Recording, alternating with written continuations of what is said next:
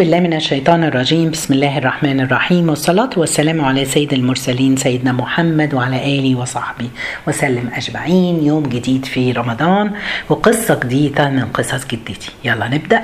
يلا نصلي على الرسول عليه الصلاة والسلام. اللهم صل وسلم وبارك على خير خلق الله محمد.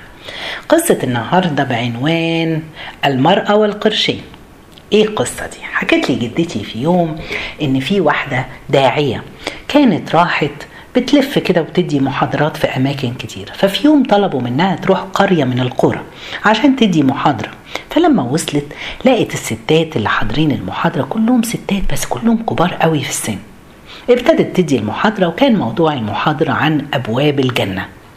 لما انتهت من المحاضرة جت واحدة ست وهي نازلة ماشية خارجة بقى جت واحدة ست كبيرة في السن وقالت لها أنا عاوزة أتصدق. يمكن الصدقة دي تكون هي الباب اللي يدخلني الجنة. أصل أنا زوجي ميت ومش عارفة هل هو كان راضي عني ولا لأ. وبعمل أخطاء ومقصرة. أنا بس عاوزة أعمل عمل ويكون لي شفيع عند ربنا. فبتقول الست قالت لها طيب اديني الصدقة اللي انت عاوزة تطلعيها وأنا هدفعها في جمعية فهديها للناس اللي مستحقاها يعني فقالت لها الست والله الصدقة مش معايا هي في بيتي. تستنيني بس أروح أجيب الصدقة وأرجع؟ فست قالت لها والله أنا كنت مستعجلة ومحتاجة أمشي. فقالت لها تعالي معايا لبيتي عدي معايا كده. المهم فالست بتقول لك أخدتها في العربية ورحنا بيتها. وهي الست قعدت في العربية الست دخلت وخرجت جايبة لها منديل صغير كده وملفوف وجواه. الصدقة فلوس يعني محطوطه سبحان الله أخدتهم الست ومشيت. ولما وصلت بيتها تاني يوم قالت هي كانت رايحة عندها حاجة في جمعية خيرية فقالت إيه تفتح الصورة دي عشان تدي الصدقة. بصت لقيت المحطوط في الكيس ده قرشين. استغربت قوي. يعني قالت ده مال قليل قوي. بس قالت جواها نفسها كده يمكن الست فقيرة ما تمتلكش مال كفاية ولا حاجة. ربنا يتقبل منها ودعت لها بالبركة. سبحان الله المفاجأة بعد سنة بالظبط كانت برضه الست الداعية دي طلبوا منها تعمل لمجموعة قرى محاضرة. وقالوا هيلموهم كلهم في قرية وتروح. فالمهم سبحان الله اختاروا برضه نفس القرية. فبتقول لما رجعت القرية دي وراحت ودت المحاضرة فبعد ما خلصت في ست جات لها وقالت لها تفتكري الست العجوزة اللي جات لك السنة اللي فاتت واديتك صدقة؟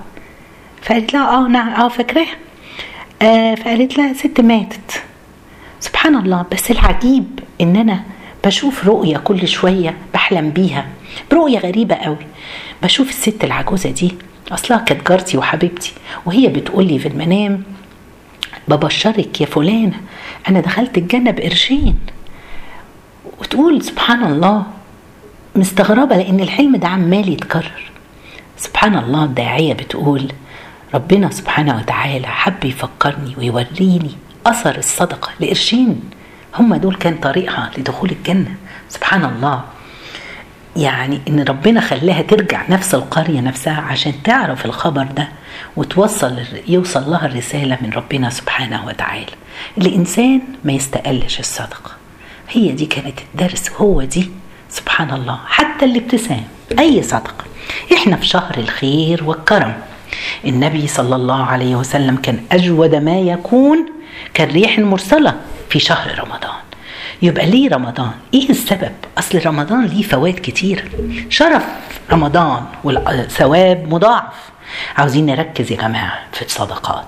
تعالوا نعين الصائمين والقائمين على طاعتهم. إحنا لما بندي للفقير بنعينه إن هو عنده خلاص قوت يومه مش محتاج يروح يدور ويسعى. عشان ياكل ويأكل ولاده. يبقى أنا الصدقة بتاعتي بتسند المفقير عشان يتفرغ في العبادة زيه زي. الجزاء من جنس العمل. اللي هيجي سبحان الله اللي هيجود على العباد ربنا والله هيجود علينا. سبحان الله طلعي بس وهتشوفوا. هتشوفوا ربنا بيبعت لكم وبيرزقكم. والله أنا دايما بسمي شهر رمضان شهر المعجزات وتحقيق الأمنيات. عشان كده الصحابة كانوا دايما يجمعوا ويقعدوا يحضروا أدعية لرمضان. ليه؟ أصل كل حاجة حلوة بتحصل في رمضان. الخير كله بيحصل. الصايم لابد أن يقع. في مننا خلل. آه بصيتي بصة كده عملتي حاجة كده قصرتي في شغلك كده. الصدقة بتجبر. الخلل دوت حتى في الصيام طب إيه الصدقات زي إيه يعني؟ تعالوا. إطعام الطعام. ربنا قال لنا إيه؟ ويطعمون الطعام على مسكينا ويتيما وأسير. سبحان الله. إحنا بنطعمكم لوجه الله. تعالوا يا جماعة نفطر. نأكل ناس. ندي. هو ده. السلف جدودنا كان المنظر سبحان الله الصواني طالعة الفطار نازل للبواب للجيران الناس بتهادي بعضها هو كده. السلف الصالح كانوا بيقدموا الطعام ويأثرون على على أكتر من كتير من العبادات. سيدنا إبراهيم مثلا كان ما ياكلش وجبة إلا لما يخرج يدور على ضيف ياكل معاه. أصل هم كانوا عارفين في قانون اسمه قانون البركة. إيه قانون البركة دوت؟ قانون البركة اللي قال لنا عليه الرسول عليه الصلاة والسلام. طعام الواحد يكفي الاثنين وطعام الاثنين يكفي الأربع وطعام الأربع يكفي الثمانية. يعني شبع واحد قوت قوت قوت بتاع اتنين. مش لازم تشبعي قوي تاكلي وتسلبي طولك وكويس بس هتأكلي حد معاكي. هو كده. سبحان الله البركة دي قال لنا عليها الرسول على قبيلة الأشعريين.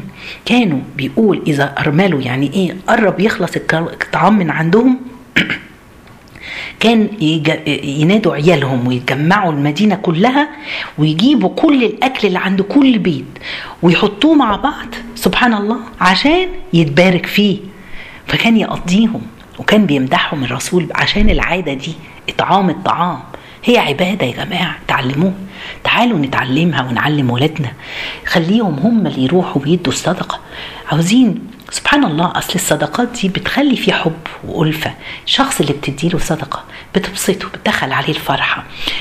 بتتعاون بتشيلوا بعضكم بيبقى في أخوة كده في طاعة لله. وإحنا في شهر الخير ومحتاجين نعمل كده. تعال اوعوا حد يخاف على الرزق أو الفلوس. الرزق ده جاي لنا. سبحان الله. صدقي ربنا أنفق ينفق عليك. هو كده. مرة جه مسكين لستنا عائشة وهي كانت صايمة. مفيش في بيتها إلا رغيف عيش. قالت للبنت اللي عندها لمولاتها أعطيها إياه.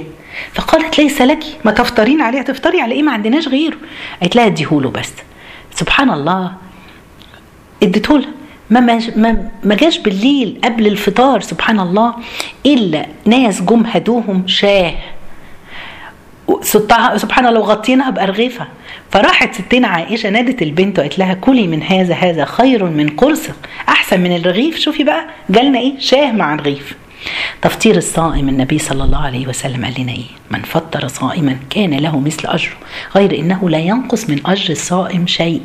أنتوا عارفين يا جماعة مش عاوزين نفوت يوم في رمضان من غير ما نفطر حد. هو كده. العز بن عبد السلام كان بيقول فمن فطر ستة وثلاثين صائما في كل سنة كأنما صام الدهر كله ما أصل انت ليكي ثواب اللي انت عملتي لو فطرتي حد أكنك صمتي. سبحان الله زيه واجرك زيه. لا ينقص من أجرهم شيء. يبقى عاوزين بنية كده خالصة. نصوم ونفطر. بذل المال يا جماعة هو أحسن وقت دلوقتي. سبحان الله. ندي أدينا شايفين في بلاد المسلمين في حروب. اعطوا. في ناس في بلادكم. اعطوا. خلينا ندي ونبقى خيرين. حاتم الطائي قبل الإسلام هو كان معروف بالكرم بتاعه. كان يخرج بالليل ويقول للغلام اللي عنده دور لي على ضيف الليلة. لو أتيت بي لي بضيف فإنك حر. شايفين يا جماعة؟ كانوا الناس دي عارفين معنى العطاء والصدقة. سبحان الله. بيحكى إن طلحة بن عبد الله جاءوا في يوم 700 ألف درهم. عارفين يعني إيه؟ يعني مليون مثلا ولا حاجة كده دلوقتي ويمكن أكتر. بيقول لك قال لو مت في هذه اللحظة. هيسألني ربي عن المال ده. إحنا بس عمالين نكوم في المال وخلاص. طب إيه؟ مع إن ده مال حلال وما يعني مفيش حاجة إن هو يشيله. لا. قرر إنه ياخد الفلوس دي وأشارت عليه زوجته اللي هي كانت مين؟ أم كلثوم بنت الصديق. قالت له أين أنت من فقراء المدينة؟ وأين أنت من أهل الصفر؟ أين أنت من الجهاد في سبيل الله؟ فاذهب وفرقهم. في سبيل الله راحوا وصلوا في السبعمائة ألف درهم في ليلة واحدة. وبعد كده عاد لبيته بالليل وقال لزوجته والله إنك موافقة بنت موافقة أنت موفقة. ربنا كرمني بيكي مين فينا بيحس وبيشجع جوزه على العطاء؟ عاوزة ربنا يبارك لك في ولادك وفي بيتك وفي جوزك. طلعي. طلعوا هو ده أحسن وقت للصدقة. الصدقة مش بتكون بالمال بس. سبحان الله. بكل شيء. بوقتك. بصحتك. بعلمك. أي حاجة. طلعوا سبحان الله. بيحكى إن رجل جه للحسن بن سهل. بيطلب منه حاجة يقضيها له وعملها له. فأقبل الرجل بعد كده بيشكره. فقال له الحسن على ما تشكرنا نحن نرى أن للجاه زكاة كما أن للمال زكاة. يعني إن أنا ربنا اداني منصب ولا اداني قوة في حاجة أو يعني ليا أقدر أساعد ساعده. وربنا يتقبل مننا صدقتنا ومش هننسى خير الصدقة هي زكاة الماء زكاة الفطر في رمضان مش عاوزين ننساها. وزكاة الفطر دي لكل بني آدم عليه فرض حتى يعطي. ونعطي والمجتمع كله يعطي. ربنا يتقبل ويكثر من صدقتنا ويبارك فيها ويتقبلها إن شاء الله. جزاكم الله خير. سبحانك اللهم بحمدك أشهد أن لا إله إلا أنت أستغفرك ونتوب إليك.